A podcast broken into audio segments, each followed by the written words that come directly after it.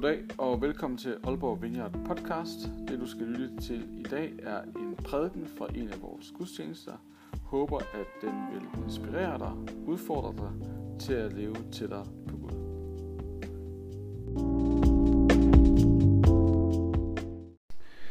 Jamen, øh, god eftermiddag og øh, velkommen til den sidste gudstjeneste inden, øh, inden sommerpausen. Øhm, hvor, har I haft en, har I det godt? Ja, ja, ja tak, det er godt. Øhm, jeg har overskriften for det, jeg skal sige, det er, hvad har et picnic-tæppe med dig at gøre? Og øh, måske har I været øh, på, hvor mange af jer har været på stranden? Ja, nu søger jeg S, præcis. Og der har man jo picnic-tæpper med. Øh, men vi skal ikke snakke om stranden. Øh, selvom jeg dog var ude at bade i går, øh, og øh, jeg, jeg synes, jeg, jeg, jeg, jeg, hvad skal man sige, jeg synes altid, det er så forfærdeligt, lige når man går i vandet. Øhm, og så det der med, at det lige sådan, du ved, er mega koldt. Øhm, og det er nok også, fordi jeg engang havde en oplevelse for nogle år siden, hvor at jeg bare sprang i, og, øh, og så var det mega koldt, og jeg fik sådan åndedrætsbesvær. Og øh, det, det, det, det er som om, det er altid flashback, når jeg skal ned i vandet. Så er det ligesom, det er det.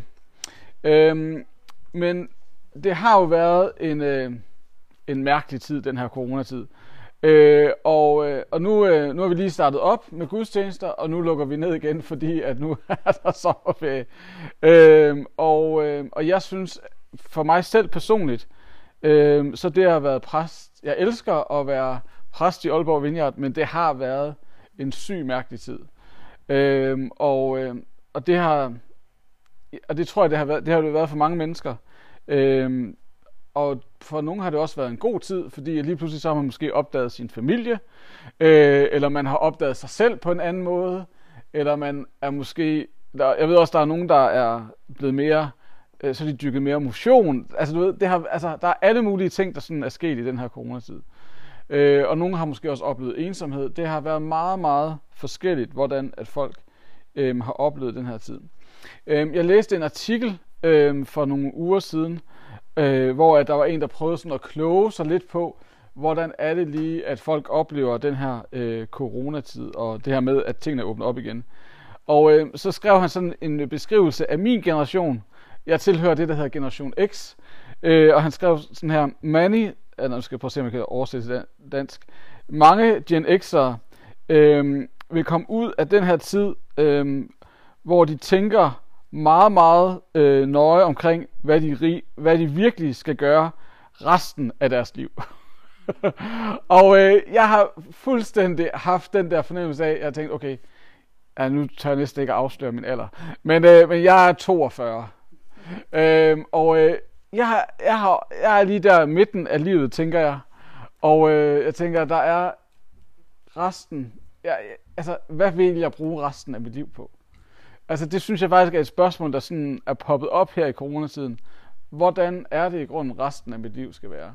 Og så hvis, du, hvis man er yngre end mig, det kan jeg jo se, der er nogle af jer, der er, øh, så, øh, så er det måske et andet spørgsmål. Så, så, så skriver han i den her artikel, at, øh, at dem, der er, er yngre, som har masser tid at leve i, de vil måske mere spørge, hvordan er det, at vi kan skabe et liv, der bliver lidt mere stabilt?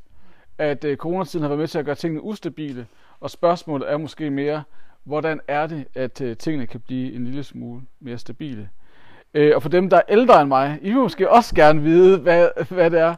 Øh, der siger han, at for, for dem, der, for dem, der er, er generationen over mig, øh, så siger han, det har bare været dig. Altså, altså han siger, de fleste synes bare, at det har været skønt, lige at få lov til at trække stikket lidt, øh, og kunne slappe lidt af, og bare lige øh, stå af.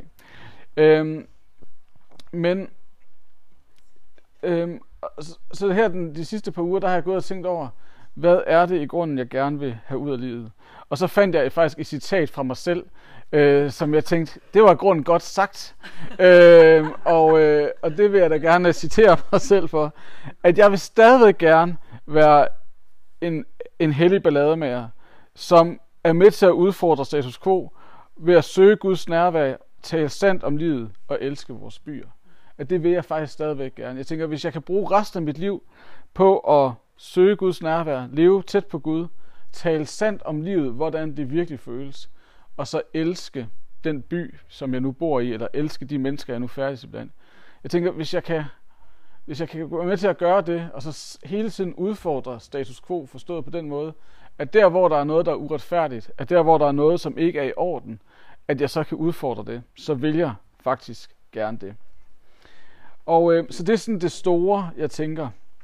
Og så samtidig, at så mærker jeg også, og nu har vi lige sagt øh, farvel og på gensyn til Janne og, og Gunhild, og øh, vi har været igennem, og studenterne har kørt igennem byen. Så samtidig med, at der er sådan noget stort, jeg gerne vil, så øh, har jeg også den der fornemmelse af, at der er en ny sæson på vej. At der er, noget, der er et nyt kapitel, der ligesom skal skrives. Og det tror jeg måske er en følelse, vi alle sammen kan genkende. At nu er den der ko, nu er vi ved at være genåbnet. Øh, og hvad er det så, den nye sæson skal bestå af? Hvordan skal det næste kapitel af mit liv i grunden se ud? Hvad er det i grunden, jeg skal bruge min tid på? Øh, og øh, det gælder selvfølgelig konkret sådan her i Aalborg Vineyard. Hvad skal vi som kirkefamilie, hvad er det Gud kalder os til til den næste sæson? Hvordan er det, at det skal se ud efter, efter sommerferien? Hvad er, det, hvad er den nye sæson? Hvad er det, det kalder på? Og måske kan det også være i dit eget liv, at du godt kan mærke det der med, hvad er det i grunden, der skal ske i den nye sæson? Hvad er det for et liv, jeg gerne vil leve i det næste kapitel af mit liv? Det er som om tingene har været sat på pause, men hvad er det så, der skal ske i den næste sæson? Og jeg vil bare sige, at for mit eget vedkommende, så har jeg været en lille smule på usikker grund. Og, øh, og det vil jeg gerne sådan invitere ind i, den øh, lille rejse, jeg har været på. Fordi det stadigvæk er en smule usikker grund, der hvor at jeg er.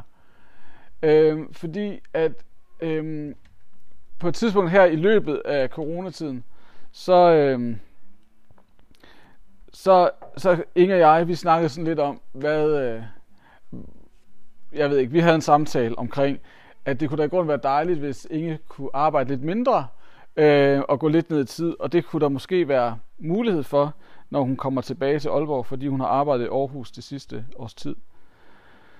Og øh, så kunne jeg jo godt se, at hvis Inge skal gå ned i tid, så skal jeg gå op i tid. Øh, og, øh, og det er jo, det ville være fantastisk jo, hvis jeg kunne arbejde fuld tid. Jeg har været deltidsansat her i Aalborg Vineyard. Og øh, så havde vi en ansøgning inde ved en fond, som jeg tænkte, hvis den ansøgning går igennem, så er det bare shup, op i tid med mig. Fordi at øh, jeg havde søgt rigtig mange penge. og øh, så fik vi så svar tilbage fra fonden. Og øh, så viste det sig ret hurtigt, at jeg kunne ikke gå op i tid i Aalborg Vineyard, vel? Fordi at, øh, der var et afslag på den fond. Og så tænkte jeg, så havde jeg sådan lidt, hvad skal jeg så lige gøre? Øhm, og så, havde jeg, så, så oplevede jeg, at øh, Gud på en eller anden måde inspirerede mig til, at, at jeg måske skulle bare sige til Inge, at hun skulle bare prøve at se, om hun kunne, at nu ved vi ikke, om hun kan gå ned i tid, men jeg skulle bare på en eller anden måde træde ud i tro på, at, at øh, Gud skulle nok sørge for så jeg skulle bare sige, at hun godt kunne bare spørge sin kommende arbejdsgiver, om hun kunne gå ned i tid. Øh, og, øh, og, og det har hun så gjort, og så må vi så se, om hun får lov til det. Det håber jeg jo, det vil være godt for vores familie. Øh, men så lige lidt senere bagefter, så, fik, så, så jeg en, øh, en, øh, sådan en jobannonce, der, hvor der var nogen, der søgte en, der en profil, der passede meget på mig, øh, og det var også deltid, og så tænkte jeg, at det er perfekt Gud. Det var nok det, der ligesom du havde lagt hen til mig i den næste sæson. At så skulle jeg være ansat der, og så lidt i Aalborg Vineyard, og så vil alt være fryd og gammel, og det vil bare være amazing. og, øh, og øh, nu smiler jeg lidt, men det er faktisk, jeg har faktisk haft nogle rigtig trælse uger, øh, og enten kan man jo græde, eller også så kan man grine. Øh, eller bare være frustreret. Øh, fordi at jeg har absolut intet hørt fra det job. Og jeg tænkte ellers, det var bare lige til mig. Og jeg tænkte, Gud, tænk gang, at du lægger tingene til rette på den måde og, øh, og nu er det halvanden uge siden, der var sidste ansøgningsfrist, og jeg har intet hørt fra dem, så jeg tænker, det job er nok kørt. Og jeg kan godt sige, at den sidste halvanden uge, der har jeg tjekket min mail, jeg har set, er der nogle ubesvarede opkald, og der har bare absolut ingenting været. Og jeg har været dybt frustreret, og er det sådan set stadigvæk. Og øh, har hele tiden nærmest sådan stillede Gud spørgsmålet, hvorfor Gud?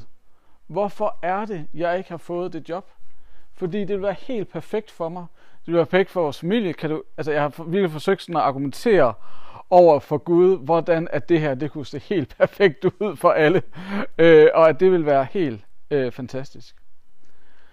Og øh, jamen altså, der har ikke øh, været noget. Og, øh, og så læste jeg øh, så øh, en beretning fra øh, det er altså det var sådan skrevet som sådan en øh, krigsberetning fra 2. verdenskrig, øh, hvor at der sidder en lille dreng øh, på 6 år i øh, Polen, og øh, bomberne flyver omkring ham, og hans forældre, han ser hvordan at hans forældre øh, ja, bliver ramt af nogle af de her, hvad skal man sige, fragmenter, der kommer, og faktisk dør. Og han sidder der som seksårig og har mistet sine forældre. Og, øh, og han fortæller, hvordan at han sad der som seksårig, og han anede ikke, hvad han skulle gøre. Men så skriver han så, at det eneste, som seksårig, han kunne finde på at spørge, det eneste spørgsmål, han kunne finde på at stille, sig, stille Gud, og, og hvad skal man sige, der var ingen omkring ham, det var, hvad nu? Hvad skal der nu ske? Hvad skal der nu ske med mig? Og, øh, og så, siger han, så skriver han i den her beretning, at i stedet, at han siger, at ofte har vi en tendens til at spørge Gud, hvorfor? Hvorfor Gud? Og øh, fordi vi gerne vil have en forklaring. Vi vil gerne ligesom finde ud af, hvorfor er det, at tingene sker, som de sker, sådan så vi ligesom kan forklare det over for os selv. Men han siger, så sagde han så, men det, jeg har fandt ud af der som seksårig, at det bedste spørgsmål, jeg kunne stille, det var, hvad så Gud? Hvad så? Hvad skal der så ske? Hvad vil du så vise mig, Gud? Hvad vil der så ske? Og, og den her øh, seksårige dreng øh, endte så faktisk med at blive pave. Øh, og øh, og han, han siger, det der, den der fornemmelse af at kunne spørge, så hele tiden spørge Gud, hvad så? At det var det, der på en eller anden måde fik ham til at tro på, at der var en fremtid, når han syntes tingene, også efter han var seks år, faldt, øh, ramlede sammen omkring ham. Og jeg tror, at lige meget hvor det nu er, vi er henne i vores liv, hvor øh, lige meget hvad det er for en sæson, vi står overfor, lige meget hvad det er for et nyt kapitel, vi tænker, vi skal skrive her efter coronatiden, så er måske det vigtigste spørgsmål, vi kan stille os selv, det er, hvad så Gud? Hvad der så er muligheder? Hvad kan der så ske? Og øh, jeg vil sige, det har været ret svært for mig i den her sidste uge at lære at stille det spørgsmål. Fordi jeg synes virkelig, jeg havde, jeg synes virkelig, at Gud skyldte mig, altså hvorfor forklaringen. Men der har ikke været nogen forklaring på, hvorfor.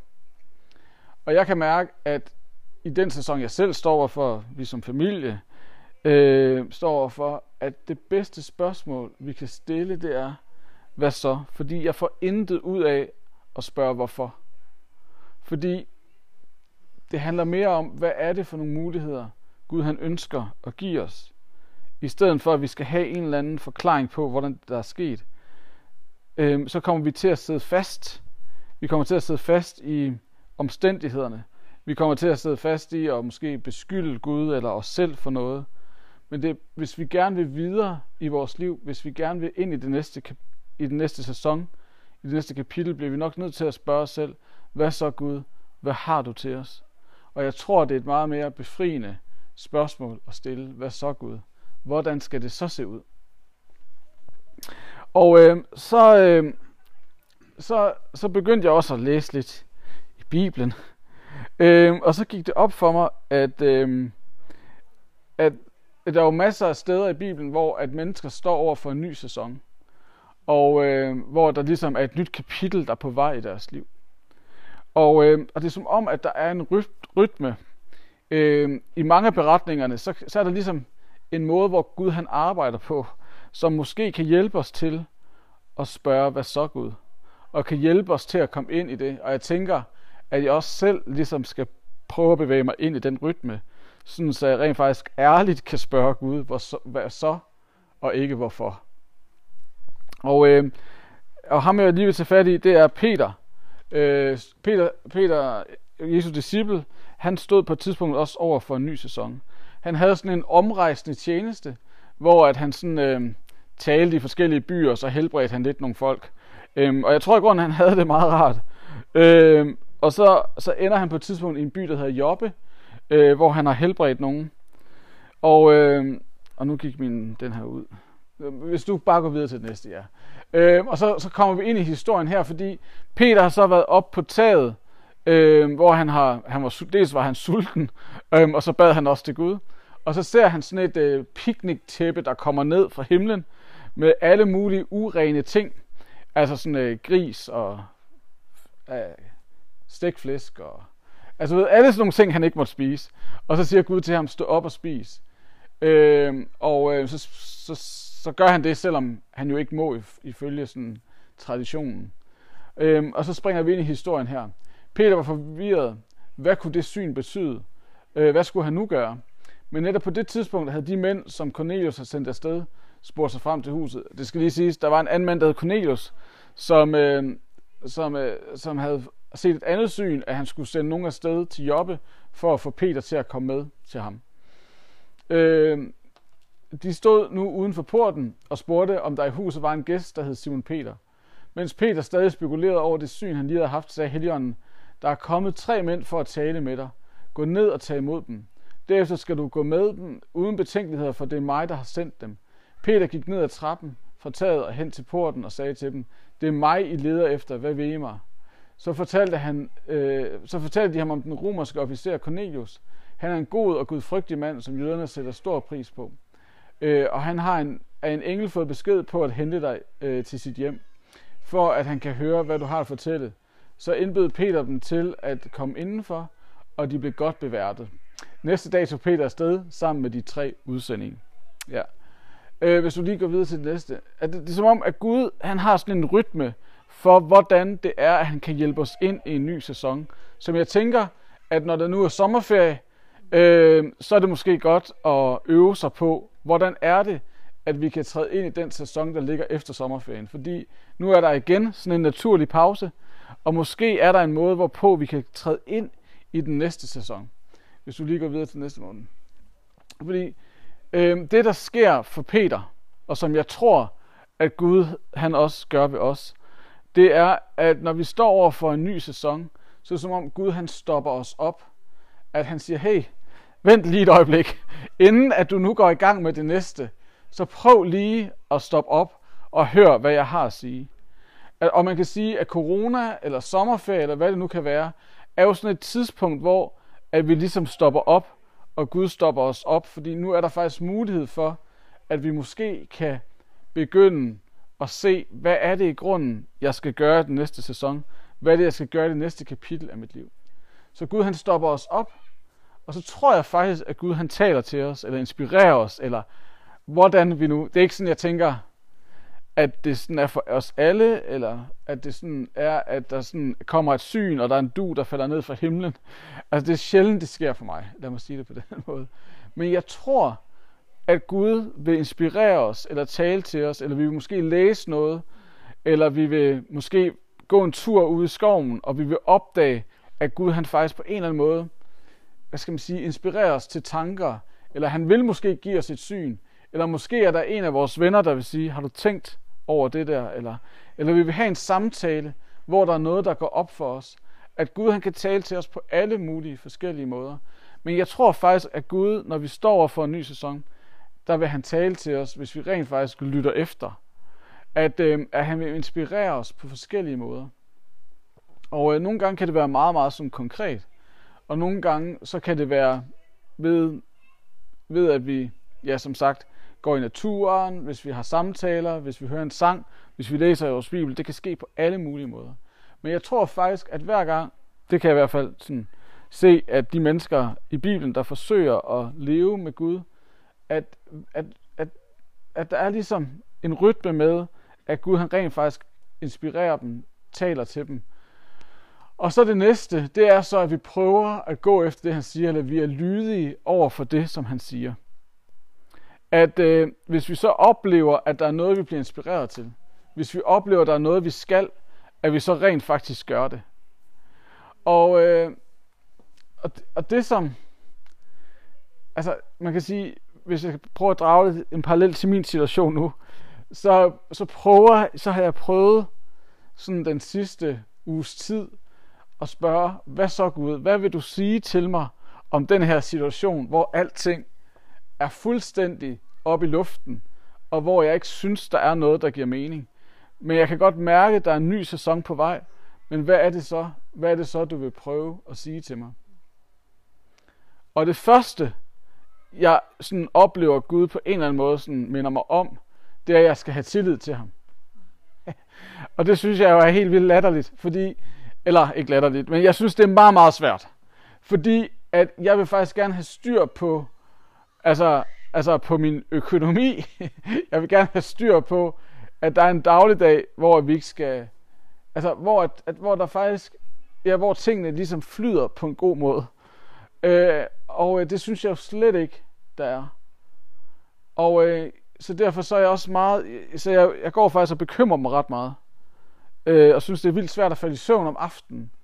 Øh, fordi jeg aner faktisk ikke, hvordan tingene lige skal være. Og stadigvæk så oplever jeg, at Gud han siger, have tillid til mig. At det, som du skal lære i den næste sæson, det er, at du skal have tillid til mig. Og det synes jeg er helt vildt udfordrende. Fordi jeg vil faktisk gerne ligesom have styr på tingene selv. Jeg vil gerne ligesom, det, eller det kunne være fedt, hvis tingene bare ligesom kørte snor lige. Øhm, men lige nu er jeg et sted, hvor jeg skal øve mig i, og hvor Gud han siger, du skal prøve at have tillid til mig. Og jeg aner ikke, hvad det betyder. Faktisk lige nu synes jeg, det er et, et ret udfordrende ord. Og jeg håber snart, der kommer noget andet, jeg også skal gøre. Øh, fordi det faktisk er svært for mig at have tillid til det lige i den her sæson. Men det prøver jeg så at have. Og prøver at spørge mig selv om, hvordan kan jeg udvise tillid til Gud? Det kunne for eksempel være, at jeg ikke hele tiden tjekker min telefon, om de nu har skrevet for det her job. Eller det kunne være faktisk ikke at bekymre mig så meget. At hver gang, at jeg bekymrer mig om, hvordan tingene skal være, at jeg faktisk så siger, okay, Gud, jeg, at jeg så minder mig selv om, at jeg skal faktisk prøve at øve mig i at have tillid, i stedet for at blive grebet af bekymringerne. Så det er noget af det, jeg gør. Og for Peter, i den her beretning, vi lige har læst, så, øh, så er det ret tydeligt for ham, at han skal følge efter de her personer. Øh, og følge med dem hen til Cornelius, øh, og så se, hvad der sker. Fordi det, det der så sker senere i beretningen med Peter, øh, det er, at Peter han bliver overrasket, fordi han kommer hen til en romersk soldat. Og øh, den romerske soldat er jo, han er ikke jøde, og vi er på et tidspunkt sådan i kristendommens udvikling, hvor at, at det kun er, hvad skal man sige, det er kun jøder, der ligesom bliver Jesus efterfølgere. Og, øh, og Peter, han, øh, han opdager der, at historien om Jesus er ikke kun for jøder, men det er for alle mennesker. Øh, og, og, og, Peter han bliver overrasket over, at Gud faktisk har de planer. At Gud faktisk vil det. Og øh, det er jo så mit øh, tros, hvad skal man sige, vidnesbyrd, eller den tillid, jeg prøver at have til Gud. Jeg tænker, okay, hvad så Gud? Nu er jeg klar. Jeg vil øve mig i at have tillid, fordi det er det, du måske inspirerer mig til. At jeg venter på at blive overrasket. Jeg venter på, at Gud så rent faktisk dukker op og gør noget, som jeg ikke har regnet med. Fordi jeg havde en helt klar plan for, hvordan tingene skulle se ud. Jeg skulle være deltidsansat i, øh, jeg skulle være deltidsansat i Aalborg Vineyard, og så skulle jeg, have, så skulle jeg være frivillighedskonsulent i Rebild Kommune. Det tænker jeg, det var en perfekt kombi. Øh, men det er så ikke det, der kommer til at ske. Så hvis jeg skal prøve, og det ved jeg jo, og det er jo så det, der bliver det interessante, om det passer, hvad, hvad Bibelen siger. Om der faktisk, om Gud han vil overraske mig. Jeg snakkede lige med Claus her inden gudstjenesten, og han sagde, om et år, så vil du se, hvordan at alt var godt, ikke? Øh, men det synes jeg er lidt svært at vente på. øh, men, øh, men, men der er noget i, at så må Gud jo dukke op. Hvis Gud han er den, han siger, han er, så må han jo på en eller anden måde dukke op. Øh, og, øh, og så må vi se, hvordan Gud han vil overraske mig. Jeg aner det ikke lige nu. Så jeg står midt i det. Men, men jeg kan se, at det er den rytme, der er i Bibelen, når vi står over for nye sæsoner. At Gud han taler, vi prøver at gøre det, han siger, og så overrasker han. Og øh, så grunden til, at jeg har valgt Peters historie, det er fordi, at jeg tænker, at jeg vide, om der er noget i Peters historie, der også er et ord til os i dag. Fordi det, som Peter så også bliver overrasket over, det er, at Gud, han dukker op hos hedningerne. Eller han dukker op hos romerne. Han dukker op hos de urene. Han dukker op et sted, hvor at Peter troede, der vil Gud aldrig være. At måske er der også et ord til os som kirke, og måske som enkeltpersoner, at Gud han ønsker faktisk at dukke op de mest uventede steder. At de mest uventede steder i vores liv, der vil han rent faktisk dukke op og være til stede. Så der, hvor du mindst forventer det i dit liv, der vil Gud måske dukke op og gøre noget. Så der, hvor du tænker, der kan Gud da aldrig være til stede i mit liv, at der vil han faktisk komme og være til stede og fylde dig med liv og ånd og håb. Og måske er det også et ord for os til Aalborg, os Aalborg Vineyard. Altså, hvor er det mest uventede sted i Aalborg? altså, hvor tænker vi, der kunne Gud aldrig finde på at dukke op? At måske er det faktisk lige præcis der, han vil dukke op. Måske er det faktisk lige præcis der, at Gud han vil begynde at gøre noget nyt.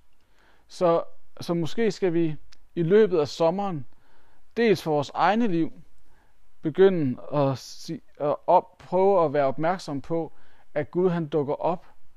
Øh, han dukker op de mest uventede steder i vores liv. Men også begynde at tænke, okay Gud, hvis du dukker op de mest uventede steder i Aalborg, hvor er det? Og hvordan kan vi samarbejde med dig i det? Så øh, hvis du bare lige går videre øh, tilbage til den, den der før. Så hvad siger Gud til dig for den næste sæson? Den tid, der kommer efter sommerferien. Hvad er det Gud, han siger til dig? Hvad er det Gud, han inspirerer dig til? Er der noget, hvis du stiller spørgsmålet, hvad så Gud? Hvad, øh, hvad siger han så til dig? Hvad siger han til dig for den næste sæson? Og det kan jo som sagt være på alle mulige måder. Han inspirerer dig med et ord for den næste sæson. Og så, øh, og så hvordan er det så, at Gud han kan dukke op på de mest uventede steder i Aalborg? Det er bare de to spørgsmål, øh, jeg gerne vil prøve at give til os her til den sidste sommerferie gudstjeneste. Hvad siger Gud til dig for den næste sæson? Og hvor er Aalborgs uventede steder? Hvor er det, at Gud han dukker op i Aalborg, øh, og, øh, og måske vi skal partner med ham på de mest uventede steder? Så det kunne jeg godt tænke mig, at vi går og tumler lidt med i sommerferien, de to spørgsmål. Øh, og snakker med hinanden om og prøver at blive klogere på. Øh, og så kan det også være, at jeg har et eller andet... Så kan det også være, at der sker noget godt. Øh,